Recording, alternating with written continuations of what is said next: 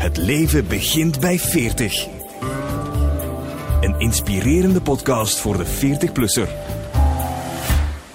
En vandaag de gast bij ons, Anne Keurvels. Dag Anne. Hallo. Is het waar? Uh, volgens jou begint het leven bij 40? Of denk je, ah, dat is niet waar? In zekere zin wel, ja. Volgens mij toch wel. Ja. Waarom ja. wel? Um, ik kan dan alleen uit mijn eigen ervaring spreken, maar ik heb gemerkt als je 40 wordt, dan um, ja, valt er toch zoiets over, over jou dat je zo de dingen anders begint te zien. Vind ik ook super boeiend. Uh, er zijn zo een paar dingen die misschien niet zo belangrijk niet meer zijn. En daardoor komt de ruimte vrij om op een andere manier naar die dingen te kijken. En, en ja, ik vond 40 worden toch een bijzondere kaap. Ja. Over welke dingen heb je het dan, wat die, die niet zo belangrijk meer zijn? Ja, dat is een moeilijke vraag. Eigenlijk, ik zeg dat dan zomaar. Um, ja, want het, het, het ja, leek alsof je er echt heel lang over had ja, nagedacht. nee, dacht, toch? Ja, nee. um, ik ga het anders vertellen. Ik ga mijn, mijn verhaal vertellen van okay. toen ik 40 werd. Okay. Um, eigenlijk die jaren voordat ik 40 werd, heb ik altijd grotendeels in de media gewerkt. Mm -hmm. uh, als actrice. Ja, je was super populair, kreeg mooie rollen. Dat soort dingen. Ja, oh, enfin, ja, daar kunnen we nog over discussiëren. maar, um, en eigenlijk de laatste jaren voelde ik iets onderliggend. Ik heb zo een, een, een, antenne die af en toe van die dingen opvangt die, die soms niet gewoon waarneembaar zijn. Uh, en ik had het gevoel, ik had dat ook al zo een paar keer uitgesproken tegen mensen in mijn dichte omgeving. Volgens mij gaat het stoppen. Kan ook self-inflicted prophecy geweest zijn, ik weet het niet, maar ik had zo'n gevoel, het gaat stoppen. En inderdaad, bijna griezelig dag op dag dat ik 40 werd, Echt? stopte het. En letterlijk ook. Geen ik aanbiedingen toen, meer. Nee. Ik zat in Wittekerke, werd afgevoerd. Uh, zo, zo dingen die ik tot dan toe altijd gedaan had, vaste presentatieopdrachten, vaste, stopte om een of andere reden. En het stopte ook letterlijk. En ik werd dan ook veertig. En ik kreeg dan ook um, bij sommige dingen te horen van ja, maar je bent nog niet oud genoeg om, als het dan over rollen ging, een moeder te spelen. Ja, ja. Je bent te jong om, uh, uh, nee, ja, je bent te jong om moeder te spelen, te oud om dochter te spelen. Dus je valt plots, ik viel plots tussen wal en schip. Alsof er geen vrouwen van 40 in de wereld rondlopen. Ja, hè? echt, echt wel, ja. Um, dus dat was heel griezelig, terwijl je eigenlijk langs de andere kant voelt van, ik kom op een punt waarin ik op bepaalde dingen toch wat ervaring heb opgebouwd, een beetje maturiteit heb opgebouwd. Ik zou nu net bepaalde dingen, als ik dan terugkeek over rollen die ik, die ik eerder gespeeld had, of, of, of opdrachten, hoe ik, daar tegenover had gestaan, een, een, aantal jaren daarvoor zou ik anders aangepakt hebben. Net dan voel je, ik althans, die maturiteit toch een beetje meer. En toen kreeg ik die kans niet meer. Um, en dat is toch wel een, een tunneltje waar, dat, waar dat je door moet. Ja. Ook al wist ik het ergens vooraf. Ben je ja. dan echt door een dip gegaan? Uh, mijn dip lag op een ander niveau. Ik ben niet door een dip daarover gegaan. Ik vond dat eigenlijk wel heel zonde, mm. dat wel. Maar ik had niet zoiets waarom zij wel en ik niet, of, of, of tju, of... Nee, dat was eerder, oh zonde. Ik zou graag die kans gekregen mm -hmm. hebben, maar ik heb ze niet. Oké, okay, klaar. Wat ik toen puur rond dat mediagedeelte of dat acteergedeelte gedaan heb, ik heb toen ook mij bewust van alles afgesloten. Dus ik heb ook, ben helemaal terug naar de bron gegaan. Um, dus ik heb ook, ook geen uh, televisie meer gekeken, geen dingen meer gezien waar ik toen eigenlijk heel erg mee bezig was. Uh, of of, of uh, Vlaamse series of, of dingen die, die mij toen interesseerden. En ik ben toen echt helemaal way back gegaan. En welke bron? De film. Dus ik ging toen, in die periode, ik had dan ook meer vrije tijd, ging ik echt terug in de namiddag helemaal alleen naar de cinema. Ja. Om dan echt zo de films met Meryl Streep. En, en ik heb het ook zo helemaal teruggepakt naar zo de, de films waar ik vroeger echt van gedacht dat dat wil ik later kunnen. Uh, ik heb zo ook teruggeluisterd. Dat was een van de dingen die ik vroeger had. Daarom wou ik ook toneel doen. Uh, Jan de Cler die had toen zo de tijger van Dario Fo, mm -hmm. dat hij alleen had gespeeld. Ik heb daar Fantastisch. de geluids, hè, toen was dat nog niet dat dat werd gefilmd, de geluid. Terug naar geluisterd, zo echt terug naar die bron gegaan omdat ik wist van als ik hier niet naartoe ga en dat veilig stel, gaat dat ook kapot gaan. En dan ga ik wel verbitterd geraken. Ja, want ja. dat ligt wel op de loer, hè? Ja, oh. voilà. Ja. En ik heb dat ja, daar proberen die bypass te nemen Ja? van oké, daar, daar. En dat is mij gelukt. Ik ben daar echt als een moederklok gaan opzitten op dat creatief ei van... En, en ergens, ik heb heel veel gehuild toen ik in Tonker in die, die cinemazaal zat van, oh, ik zal dat nooit kunnen zo. Hè, zoals Bridges of Madison County, zo van die rollen spelen waar iedereen mee moet huilen. En dat, die kans zal mij nooit gegeven worden. Maar goed, goed, mooi. Ik kan daar terug van genieten. Dus ik heb eigenlijk zo'n beetje dat, dat, die bezinning gepakt voor mezelf van ik wil dit niet kwijtspelen. Ik wil kunnen blijven genieten van dingen die mij ontroeren. En, en dat is mij gelukt. Dat, dat is tot op de dag van vandaag kan ik echt uitkijken naar nieuwe films die uitkomen. Bepaalde series die ik wil volgen. Ik kan daar ook vol vuur nog over vertellen. Maar ik leg de link niet meer met mezelf van wat zonde dat ik dat niet heb kunnen doen. Dat, dat is weg. Ja, zou je ook niet meer willen acteren, Anne? Als ze morgen bellen van, hé, hey, wij hebben een schoon rolletje Ik acteer nog, hè? Maar in series. Ehm, die vraag is ondertussen wel nog eens gekomen. En ik merk wel dat ik, ehm, dat ik dan heel zwaar onderzoek moet doen bij mezelf. Van één, ja, Kritischer Ja. bent ook? heb ik daar tijd voor? Want ondertussen, hè, daar komen we misschien zelfs, heb ik een heel Zeker. ander leven opgebouwd. Ehm, twee, ja, wil ik die investering nog doen? Wil ik bepaalde dingen nog wel spelen? Eh, en drie, ja. Ik heb af en toe eens ja gezegd en dan merk ik wel, als ik er dan effectief sta, Iets spelen, ja, dat, dat is fantastisch. Dat blijf ik, want dat doe ik nog. Hè. Binnen mijn voorleesgezelschap, de Leesbeesten, heb ik nog een figuur dat ik speel. Ehm, dat vind ik fantastisch, maar heel het circus dat daar rondhangt, inderdaad op een set staan, is van zes uur s ochtends tot acht, negen uur s avonds. Met alle vertragingen en wachten en, en totaal die controle terug afgeven, dat is voor mij een hele moeilijke, merk ik nu wel. Ja, dan zou het in een heel beperkte mate zijn dat ik zoiets kan doen. Misschien nog wel, maar ik weet het niet. Ik zou erover moeten nadenken. Een toprol in een film. Ik heb nog voor de Romeo's, heb ik nog, en dat was, ze wisten heel goed waar ze mij mee over, over de streep konden trekken. Moesten in en in slecht mens spelen. Zo.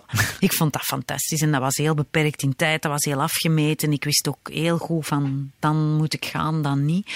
Uh, ze hebben ook een hele charme-offensief moeten bovenhalen op mij op die première te krijgen, maar dat heb ik dan nog gedaan en dan was het ook klaar zo. Ja. Maar Die was Ja. ook de hele slechte en mega hè? Die aflevering heb Ja, ook twintig keer gezien. man, dat blijft ook terugkomen. Zo, ik heb zo echt, mijn buurmeisje, toen die klein was, en kwam die zo buiten, out of the blue, stond die ineens naar mij te kijken. Zo, ja, jij was vanmorgen bij Mega Mini. Zo, jij al een parking. Zo van, ja, lieve schat, maar dat is 15 jaar geleden opgenomen. Zo, ja.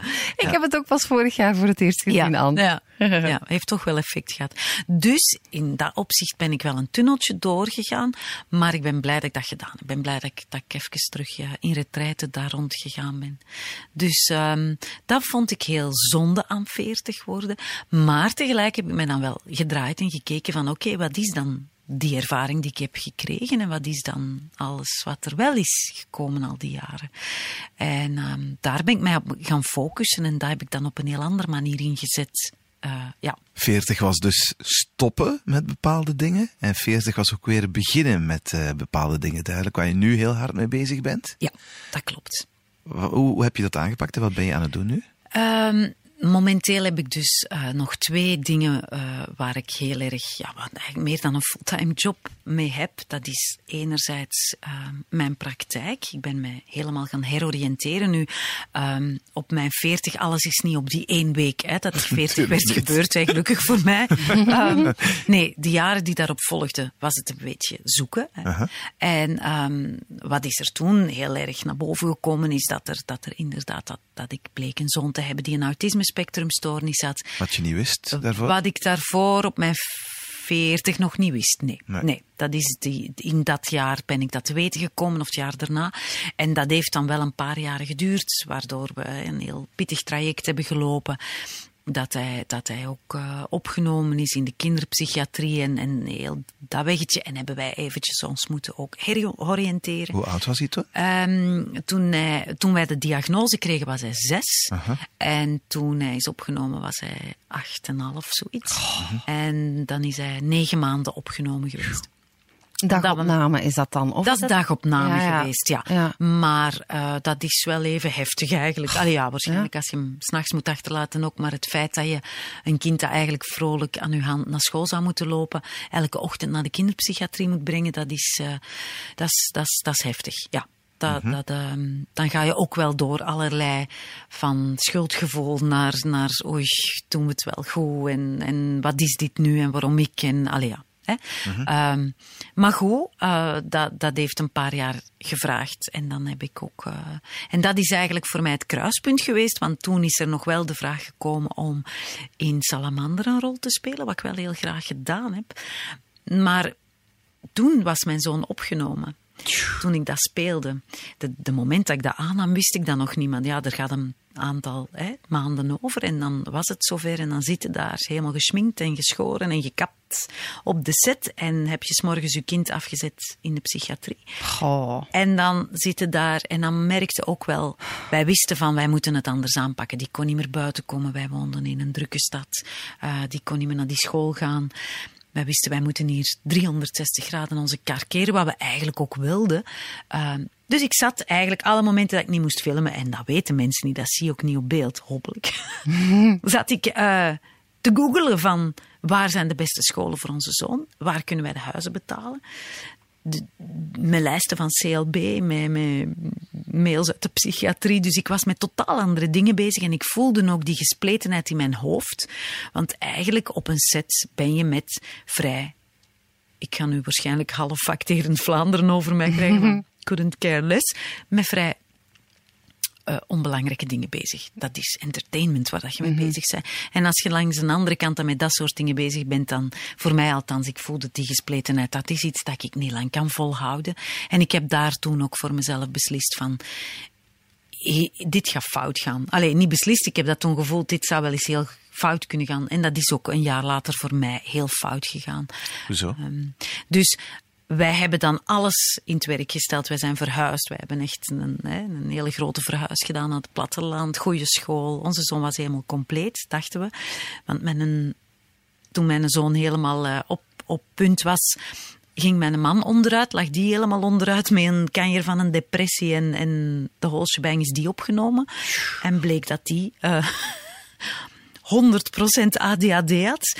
Wat we achteraf, als we de diagnose hadden, ook wel zagen van oei, amai, hoe blind zijn wij geweest. Maar ja, je focust u uiteraard helemaal op uw kind.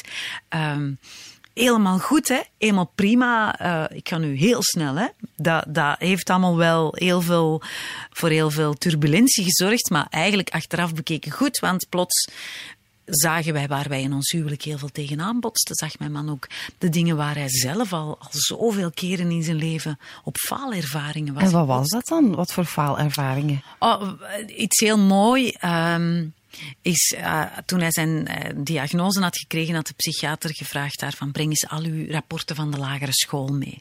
En dat was in, in het geval van mijn man rapporten van de Jesuiten in Antwerpen, Sint-Jan ja. Bergmans College. Hè, dus een heel klassiek katholiek onderwijs.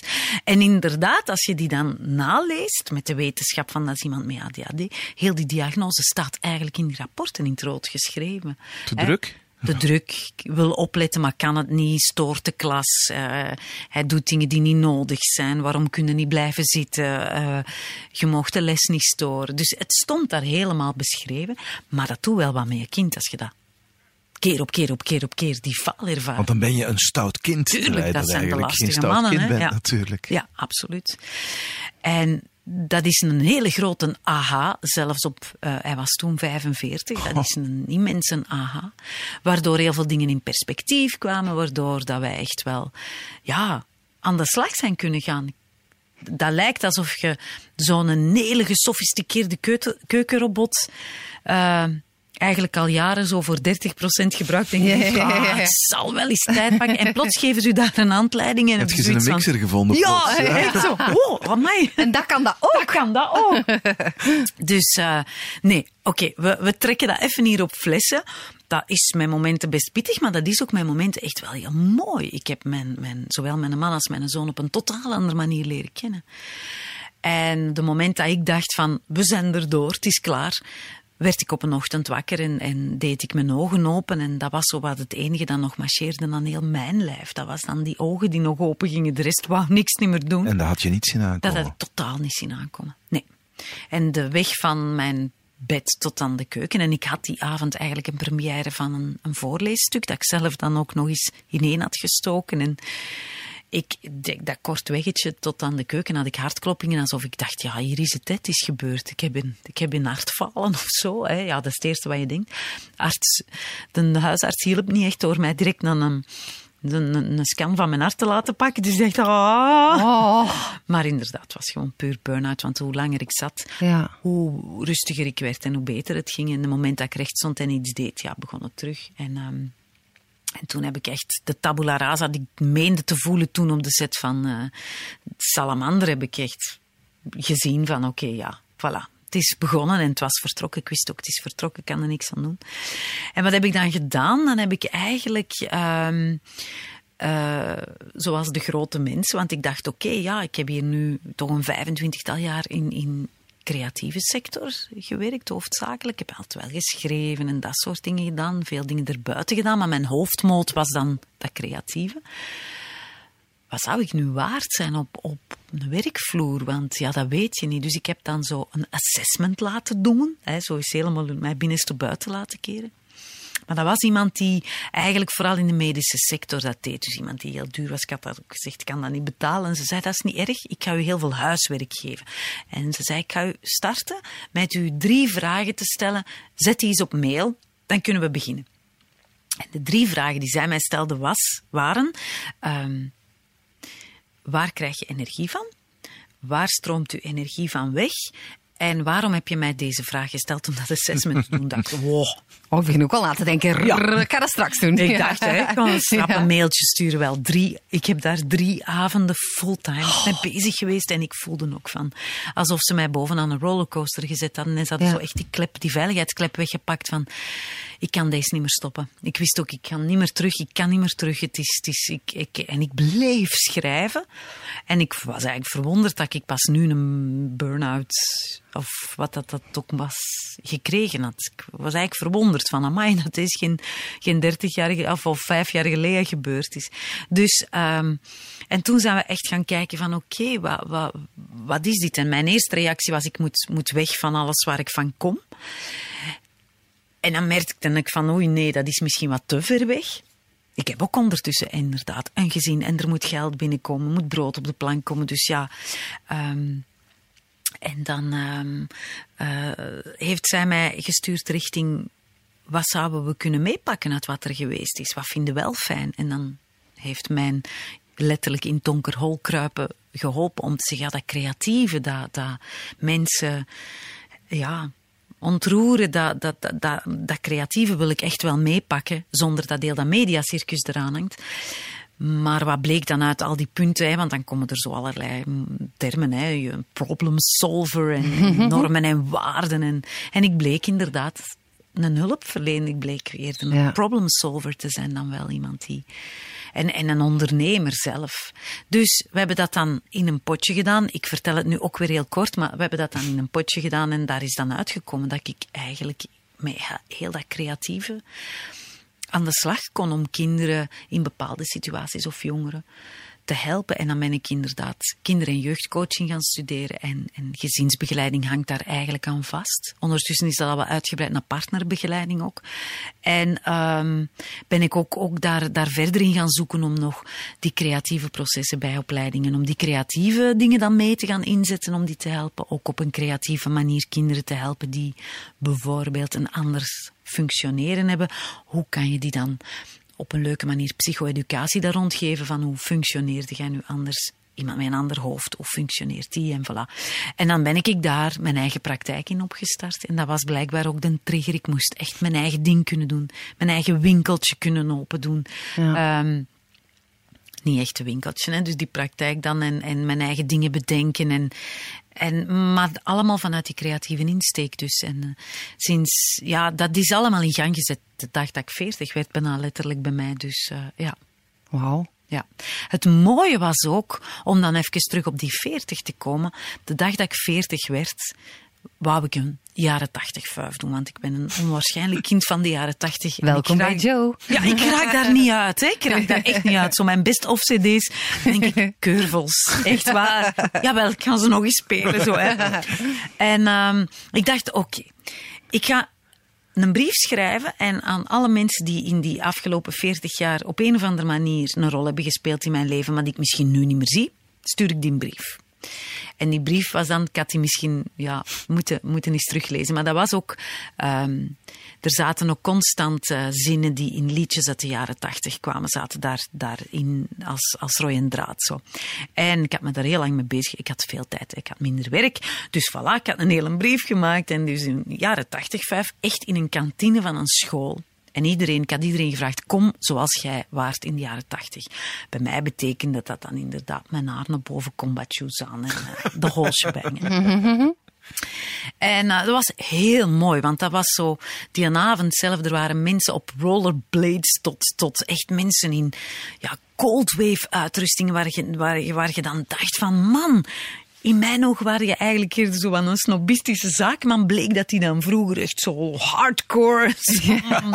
dus dat was heel mooi. Ik heb ook mensen teruggezien. En het mooie is het contact met Tanja, waar ik dan nu al bijna tien jaar de leesbeesten mee heb, is daar eigenlijk terug, we hadden samen in school gezeten, ja. um, is daar eigenlijk terug ontvlamd. En daar is nu de leesbeesten uitgekomen, waar ik nu bijna een fulltime job mee heb, naast mijn praktijk. Dus um, dat 40 worden heeft voor mij daar ook heel veel terug in gang gezet. Ja. Het is wel echt een goed idee. Ik ga dat noteren. Zeg. was fantastisch.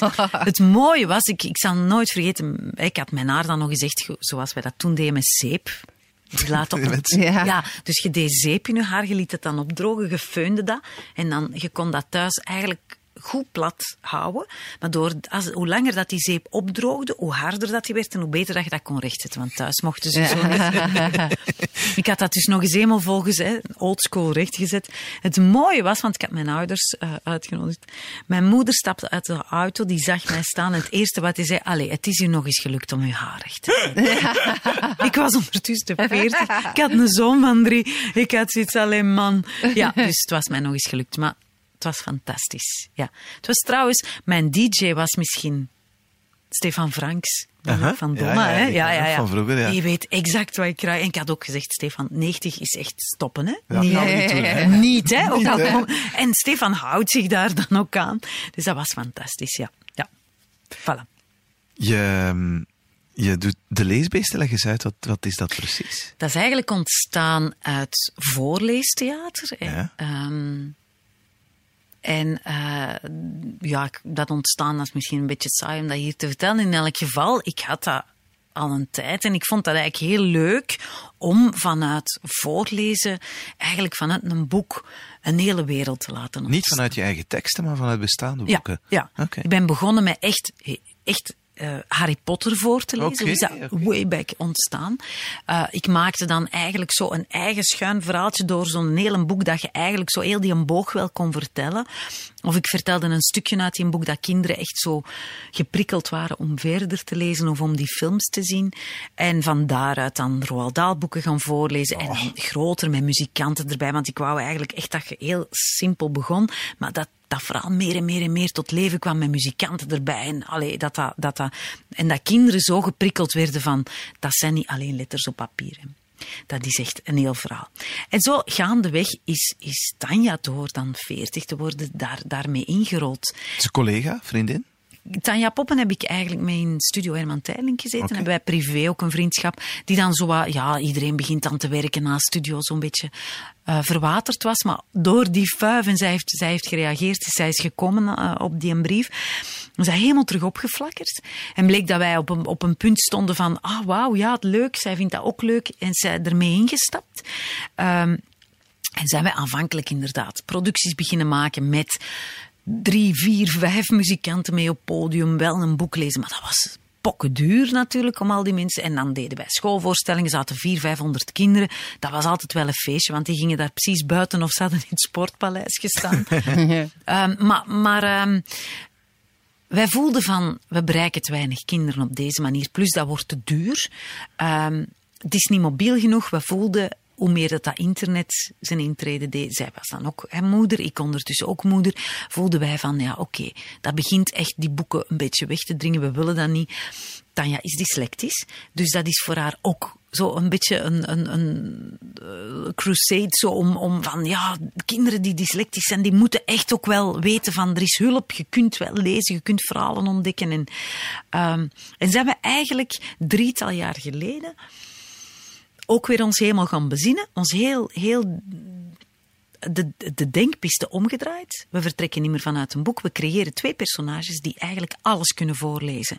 Dus wij hebben zo Tante Tanja en Annie de Panny ontwikkeld. Twee ja, een beetje wereldvreemde tantes die zowel iets opgevangen hebben wat hip is. Dus die hebben een YouTube-kanaal, die hebben een Facebook-pagina en die hebben een website. Daar lezen ze alles voor, want kinderen zijn alleen nog maar online. Dus die lezen online voor, zo is dat begonnen.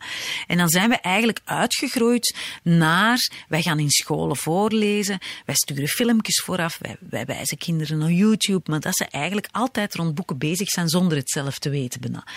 Dat is dan op heel korte tijd, want dat is eigenlijk maar drie jaar dat wij dat hebben, is dat heel erg gegroeid. En doen wij nu leestrajecten een heel schooljaar lang in scholen en gaan wij met kinderen een heel jaar lang parallel aan hun gewoon lessen aan de slag rond boeken leren wij. En via ons filmpjes doen wij Skype-lessen met die kinderen rond wat is dat nu, uh, hoe, vindt het verhaal in een boek en, en zo met, met het schooljaar stijgt dat. En doen wij zo grote, kleine leestrajecten, doen wij voorleesvoorstellingen, geven wij ondertussen vormingen aan leerkrachten. Hoe gaat het uh, met een klasbip, hoe, hoe gaat het er interactief mee om en, en dat soort dingen. Dus dat is ook eigenlijk allemaal in gang gezet toen ik veertig werd, ja. ja. Je bent ook heel flexibel vind ik. Want ik heb veel interviews met jou gelezen um, over je zoon, over je man. Ja. En eigenlijk schrok ik ervan aan, omdat ik niet wist dat het, dat het zo ver was eigenlijk met jouw zoon. Ik heb gelezen dat hij altijd begeleid gaat ja. moeten ja, wonen. Dat klopt. Daar schrok ik van in de zin van dat je ook zo autisme hebt met mensen die wel op eigen benen kunnen ja. staan. Jouw zoon gaat dat niet kunnen. Nee. Dat lijkt mij heel moeilijk om zoiets te aanvaarden als mama. Je hebt dat kunnen doen, maar hoe doe je dat? Um, dat is een rouwproces. Dat is echt een rouwproces. Ja. Want je hebt dromen hè, mm. van oh, je wilt het beste voor je kind en je wilt alles verwezenlijken en dan, ja, dan blijkt dat niet te kunnen. Ja. Dat zijn stadia ook. Waar dat, als ik dan puur naar mezelf kijk, uh, ik ben in, door stadia gegaan. Je gaat door kwaadheid. Hè. Je gaat ja. eerst door Eerst, eerst heel ja, gedeprimeerd, zal zeker niet depressief zeggen, maar gedeprimeerd van shit, wat overkomt ons nu? Wat is dit? Terwijl dat je echt wel blij bent dat iemand dat benoemt. Dat iemand uh -huh. zegt, kijk, dit is het. En, en hier kun je erover lezen, dingen te weten komen. En je merkt dat die dingen ook werken. Dat je zo'n levenskwaliteit kunt geven. Dus ja, dan, dan, dan zijn we wel blij dan komt kwaadheid, want dan komt er ook wel bij andere mensen waar de, de, de dochters of de zonen vrolijk zitten te kleuren of die laat kunnen opblijven of die en dan, dan schieten in kwaadheid. En daar was mijn, mijn man veel sneller in dan ik zelf. Die, die is heel snel uit die kwaadheid gegaan. De verwondering van, oh wauw, die kinderen kunnen dat wel. Of die ouders, of, of hen meer uitleggen van, kijk, bij onze zoon zit het zo of zo of zo. Daar heb ik wel meer tijd voor nodig gehad. En ondertussen, ja, dat, dat, zijn, dat zijn dieptes, dat zijn lagen waar dat je doorgaat. Hij groeit ook op. Dus je ziet ook dingen die er wel komen. Hè. Dat is altijd een beetje afwachten van waar zit het plafond Want in die Hoe oud is hij nu? Vijftien. Ah. Komt er nog eens puberteit bij ook? Ja, dat is, uh, dat is pittig, ja. ja. Um, en dan, dan denkt je, ah oké, ik ben dat dan, allee, professioneel ook ben ik daar dag in dag mee bezig. En dan toch, zonder dat je het weet, een 1 september of de 3 september dit jaar. Rijden van een opdracht terug naar huis en rijden achter zo'n paar pubers van zijn leeftijd op de fiets die zo hangend en lachend en elkaar jennend terug naar huis fietsen en ineens voelde terug zo'n oh. blok op je maag van oh, dat gaat je nooit kunnen, dat gaat je nooit meemaken en en dan wordt dat even, maar dan, oké, okay, dan komt het thuis en dan zegt hem of doet hem iets en dan denkt, ah, daar is hem. Ja, oké, okay, ik wil hem niet ruilen. Wat, wat, zijn zijn kwaliteiten? Wanneer heb je zoiets dat je kijkt naar je zoon en dat je denkt van, ah, love him. Dat, dat is iets wat zowel mijn man als mijn zoon mij geleerd hebben. Ik was ja. Mrs alles kan gebeuren flexibel. flexibel hè? Dat was zo. Ik stond ochtends op en ofwel was ik die, die, stond ik op, ging ik buiten om ergens een tas koffie te gaan drinken. En kwam ik pas drie dagen later terug thuis omdat ik het mooi weer vond om naar de Ardennen te rijden of naar de zee of whatever. Of kwam ik een kwartier later terug en deed ik iets anders. Dus dat was voor mij echt, the sky is the limit. In de goede betekenis het woord dan. Ehm, maar mijn man en mijn zoon eerst, maar dan aansluitend mijn man, want dat is dan ook heel mooi. Hoe dat die bepaalde dingen in, in mijn zoon herkende van zichzelf en daar dan ook dezelfde remedies uh, tegen, tegen aanvaardt. Is ja, de, de, de kracht van herhaling, de kracht van voorspelbaarheid. Dat hebben zij mij geleerd. Dat heeft er ook voor gezorgd dat ik bepaalde dingen heb kunnen doen. Dat ik heb kunnen terug gaan studeren. Dat ik heb kunnen boeken schrijven. Want zonder dat was ik daar nooit in geslaagd. Dat, dat, dat, dat, was ik te veel afge, allee, afgeleid of met andere dingen bezig. En dat, dat zijn kwaliteiten die op het eerste zicht misschien niet kwaliteiten lijken, maar die, die ik wel vind van wow. En als ik het dan breder mag trekken, ik weet niet hoe breed dat we mogen gaan in dit soort dingen. Zo breed als je wilt. Ja, denk ik dat dat, dat, dat net het, hetgene is wat nu... Hè, er wordt heel veel gezegd als je met die problematiek bezig bent, komt er heel veel mensen tegen die zeggen, ja, Allee, die waren er vroeger toch niet, die kinderen. Mm. Man, hè, die is toch ook 45 geworden zonder te weten dat hij ADHD had. Tuurlijk waren die er wel.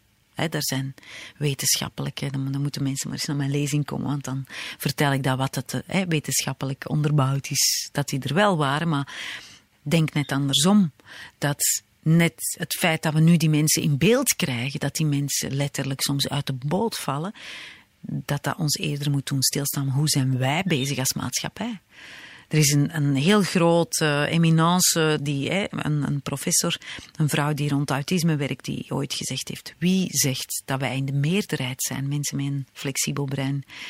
En daar sta ik soms echt bij stil. Van, wij gaan ervan uit dat mensen met flexibele breinen in de meerderheid zijn. Ik zie heel veel mensen uitvallen nu. Ik weet het niet. Ik denk dat we, dat we moeten kijken hoe zijn wij als maatschappij bezig dat die mensen niet meer mee kunnen. Zijn we niet te snel aan het gaan? Zijn we niet te...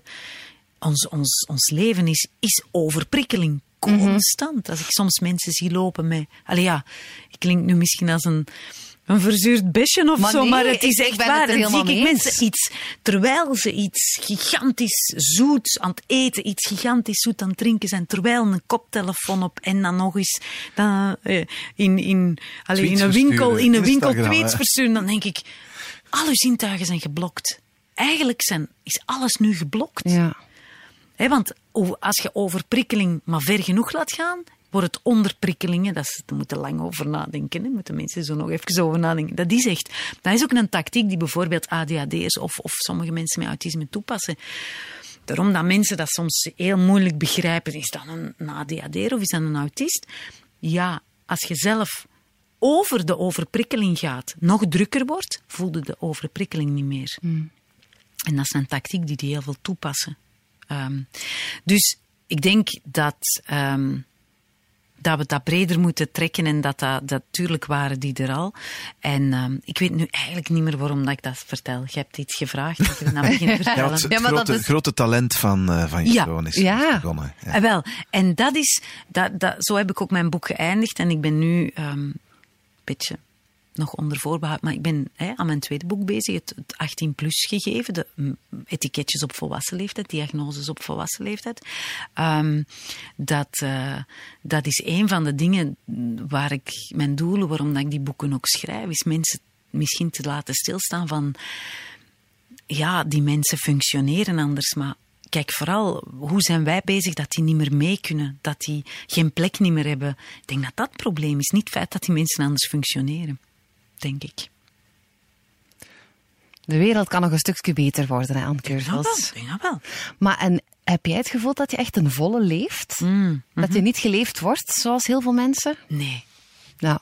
En dat, dat is ook wel iets met ouder worden en... Um, dat vind ik net spijtig aan ouder worden. Ja, als ik terugkijk, ik vind er komt een heel grote bewustwording in mijn geval dan vind het alleen zo zonde dat hij zo laat komt. Ik dacht zo, oh, over de grotere issues, het, het, het, het de wereldproblematiek, de voeding, de, de, dan denk ik, allee, kom aan, je hebt dat eigenlijk altijd wel rondgebazuind, of je, maar je hebt het eigenlijk nooit gedaan. Hè? Practice what you teach, dat is zoiets dat dat de laatste jaren bij mij ook, ook dieper en dieper gaat. Van ik doe het nu ook wat ik altijd heb gezegd. Van ah, ik ben tegen dierenmishandeling, maar ik had wel gewoon dieren. En, en nu dat ik daar echt wel in geëvolueerd ben en zie van ja, maar dat, dat klopt niet. En ik ben nu daar, ik doe dat nu al een hele lange tijd niet meer. En merk ik wat dat ook in gang zet, ook qua qua gezondheid, qua luciditeit, qua helderheid. En denk, oeh, amai,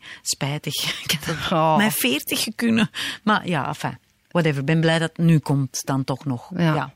Dat is het enige dat je denkt van, uh, ah, dat bewust worden. Ja, want ik ga traag. Ik, ik, ja, maar ik wil ook mee bewust worden van dingen. Maar ik heb gewoon Kom. Geen, ik heb geen tijd Dat is kwats. Dat, dat, is echt niet kwats. Waar. Dat, is, dat is echt kwats. Ja, maar, dat, maar, dat is zo moeilijk. Alleen toch, je, zit in zo'n drukke job en een druk huishouden. En wanneer moet je het doen? Ik denk dat dat het probleem van heel veel mensen is. Maar dat is net wat in gang gezet wordt. Dat is zo, dat is zo, ik heb 25, 30 jaar lang echt gerookt als meer dan een ketter. Hè. Er was een pakje in mijn hand gegroeid dat er altijd was sigaretten.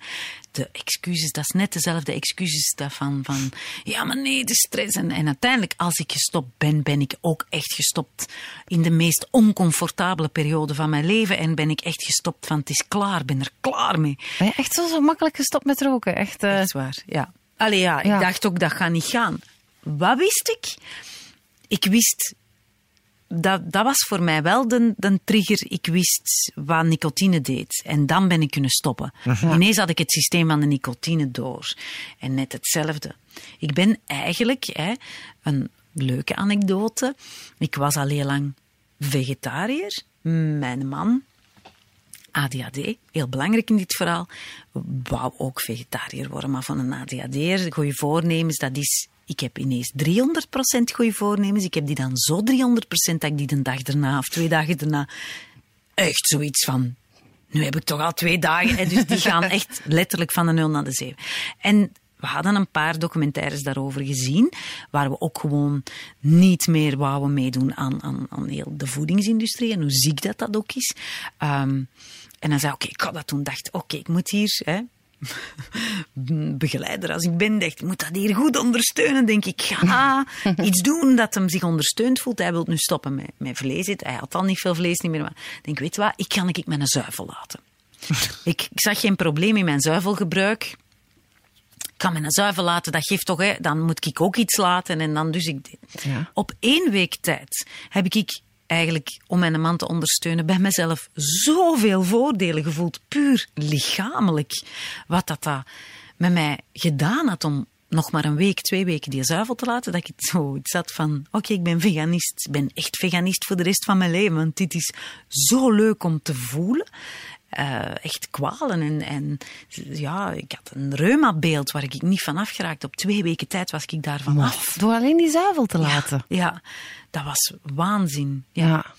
Um, en je bent nu nog altijd. Ja, ja, ja. ja, altijd. Ja, ja, en dat is, bij mij is een truc van, ik moet het systeem erachter door hebben, dan, kan ik het, dan, dan heb ik het door. Mm Of ik moet aan de lijven ondervonden hebben wat het doet. En dan kan ik dat zonder probleem. Ik heb ook helemaal niet het gevoel dat ik iets laat hoor. In ja. En een stukje kaas met een goed glas wijn en, een, en, en wat brood erbij. Is toch zo fantastisch? En eh, wel, ik heb dat helemaal. Ik was een kaaseter. Hè. Dat was oh. zo een, een stukje comté. Dat werd bijna eh, heilig op tafel gebracht. Of tijd moine, met kerst mm. en tijd moine. En ja. dat was zo het laatste. En op de duur was dat echt, want ik dacht, oké, eieren, kaas, eh, platte kaas, dat soort dingen. Dat ging, en melk zeker, ging heel makkelijk.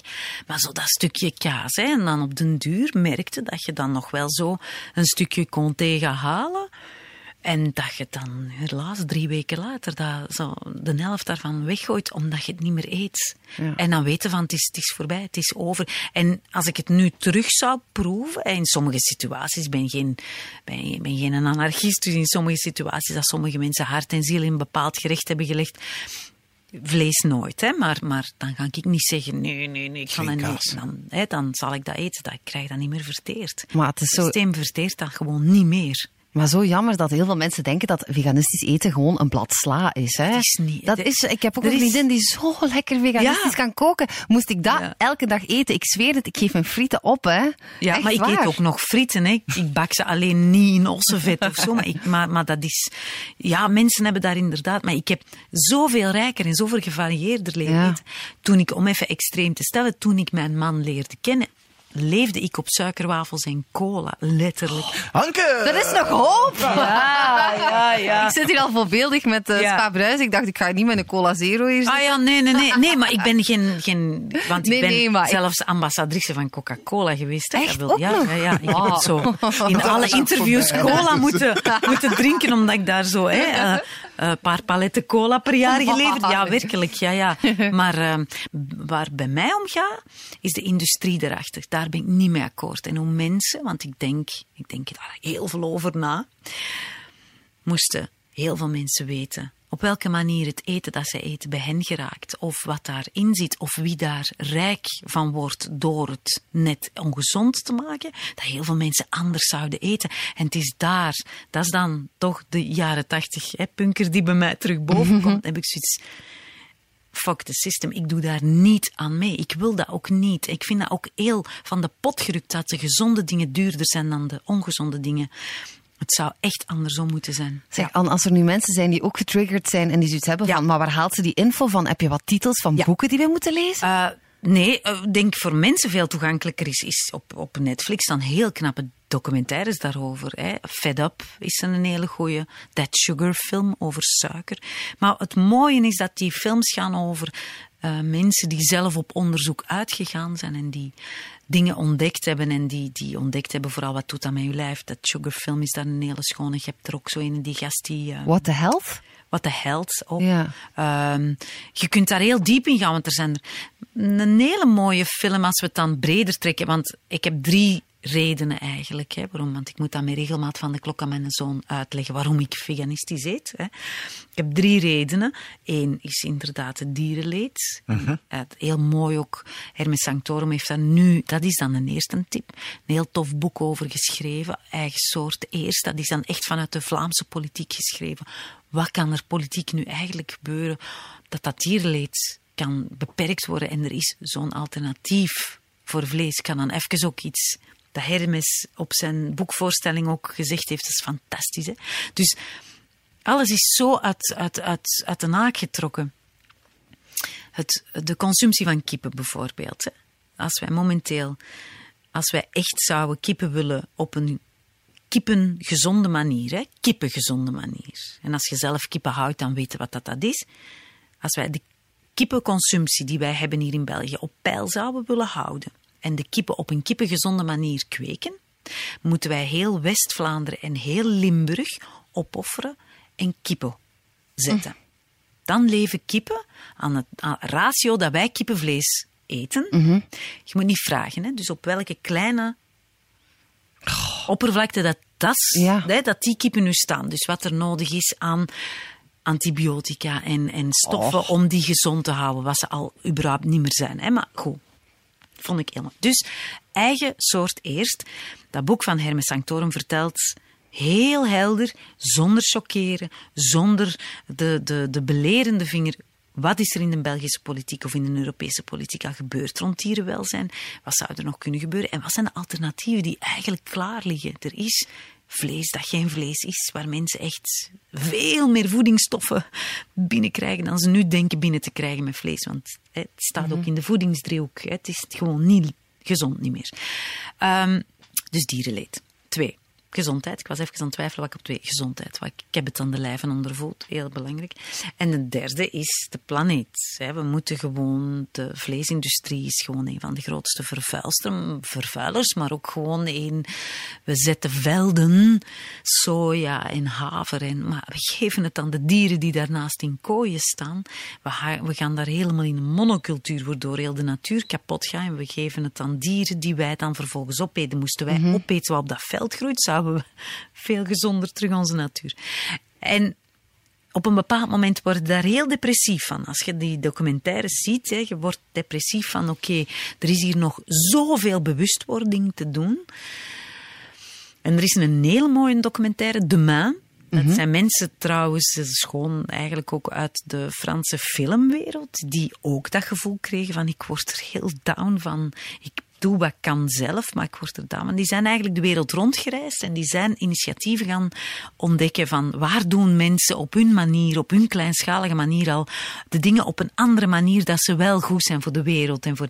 en dat is een fantastische documentaire, komt helemaal terug happy. Ook op Netflix te zien. Ah ja, De maan. Ja. Ik noteer. Ja, absoluut. En, en dat is gewoon om te zien van inderdaad, ook al heb je maar één vierkante meter in uw tuin, je kunt een verschil maken. Je kunt echt fuck you zeggen tegen bepaalde industrieën en het zelf doen. En die ja. moeten echt niet moeilijk. En dan heb je drie categorieën van mensen. Zijn de, de categorie enqueurvels, mensen die daar ook echt mee bezig zijn, die actie ondernemen. Mhm.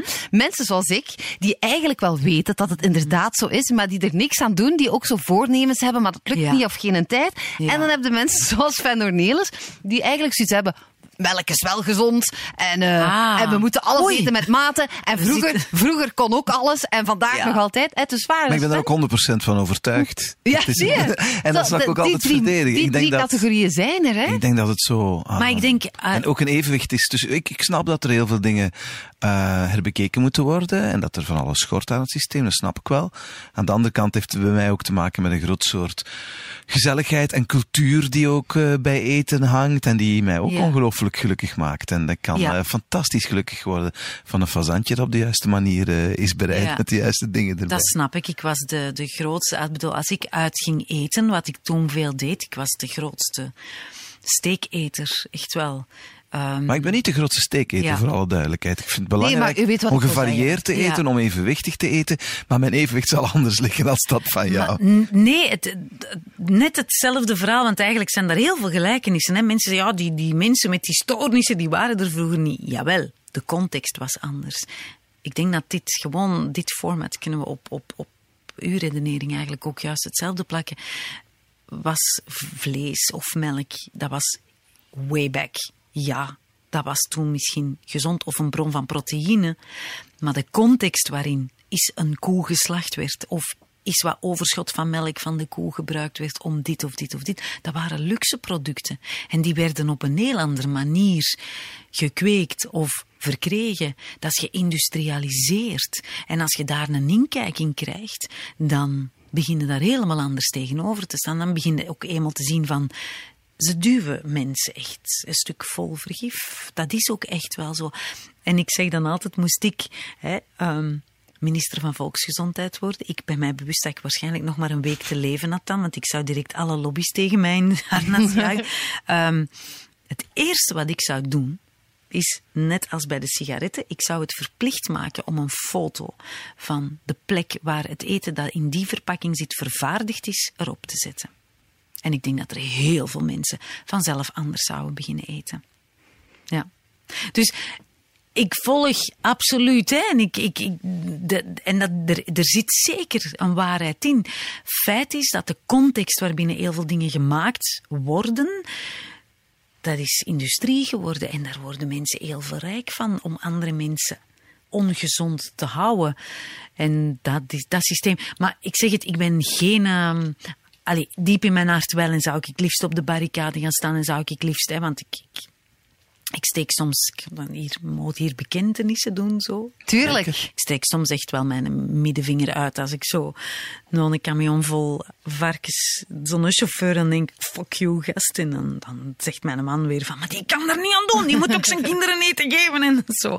Diep van binnen, tuurlijk heb je soms zoiets van oh, ik wil dat dat hier stopt. Maar nee, ik weet ook wel van waar dat die dingen komen. Ik weet ook wel waarom mensen, maar, maar er, wordt te weinig geïnformeerd. Er wordt te weinig geïnformeerd. En ik denk dat het dan voor heel veel mensen wel, en er het alternatief dat aangeboden wordt, is, is zo rijk, is zo lekker ook. Ja, ik vind het fantastisch. Ik ben echt blij gewoon dat ik dat ontdekt heb, omdat ik veel gevarieerder eet dan vroeger. Ja. An ondertussen veertiger met tien jaar ervaring op de teller. Ja, klopt. Uh, ik heb het gevoel dat je um, op dit moment echt goed in je vel zit. Ja. Wat wens je jezelf en, en je geliefde toe? Hoe zie je de toekomst? Dat is, dat is een evenwichtsoefening, zo, want eh, ik merk toch hoe ruimdenkend dat wij zijn en hoe jong dat iedereen in het leven moet staan. Hè, want iedereen moet er toch strak en nat opgetrokken en weet ik het wat uitzien. Krijg je echt een dag dat je 50 wordt, krijg je de reclame van Plus Magazine. En als ik die, die reclames op de radio hoor, dan denk ik echt waar voor welk soort slimiele houden mensen van 50. Is de traplift al geïnstalleerd? Ja, nee, maar echt zo van, alleen een tweede woonst en nu is dat. En dan denk ik, maar alleen wij zijn wel de mensen die momenteel het hardste werk leveren. En gillen uit ons voor een soort slemielen die echt richting hun pensioen aan het gaan zijn. Ik heb niet het gevoel van mezelf, en als ik rondom mij kijk, dat dat zo is. Maar goed, uh, sommige dingen moeten echt nog bijgesteld worden. Maar op een onbewaakt moment kijkt er niet achterom, maar kijkt er vooruit en zie je dan zo van, hoe lang zou ik eigenlijk nog werken? Oei, en, en hoeveel is er al voorbij? En, en dan, dan voelde dat toch zo wel onder de, zo onder de deurstijl binnensijpelen zo. Um, maar nee, dan denk ik, nee, nee, eigenlijk niet. Ik, um, ik, ik leef heel erg dag per dag. Heel bewust ook. Ik heb vanmorgen ook zo'n heel mooie metafoor daarvoor gehoord. Er was zo een, een soort moderne Boeddha-achtige man, zo'n soort guru-achtige, die uh, op een bepaald moment uh, struikelt en valt van twintig verdiepen uit zo'n skyscraper. Hè? Ja? En um, halverwege staat er iemand aan het raam en zegt: Oei, how are you doing? En die man zegt: So far, so good. en zo van, om, om mindfulness dan een beetje te kaderen. Of inderdaad, ja, uh, het, het, het er zijn, het stilstaan bij wat is er nu, wat is. En, en ik voel mij beter dan ooit. Zelfs mag dat misschien zeggen, zelfs fysiek soms beter dan ik, of fitter dan ik mij vroeger voelde. Had volgens mij, sorry, wel met mijn eten een beetje te maken. Snap maar, ik. Hè, um, maar ook, ook, ook hier zuiverder en, en ja, zo dat, dat, ja. En ik hoop dat dat, dat de, als dat dan een wens zou mogen zijn, ik hoop dat die bewustwording of dat dat, dat, dat evolueren, dat dat mag blijven. Want dat denk ik dat voor veel mensen een nefaste is, is als het stopt met dingen binnen te laten kan daar ook een klein anekdote, de, de Carrefour, helaas door de hervormingen.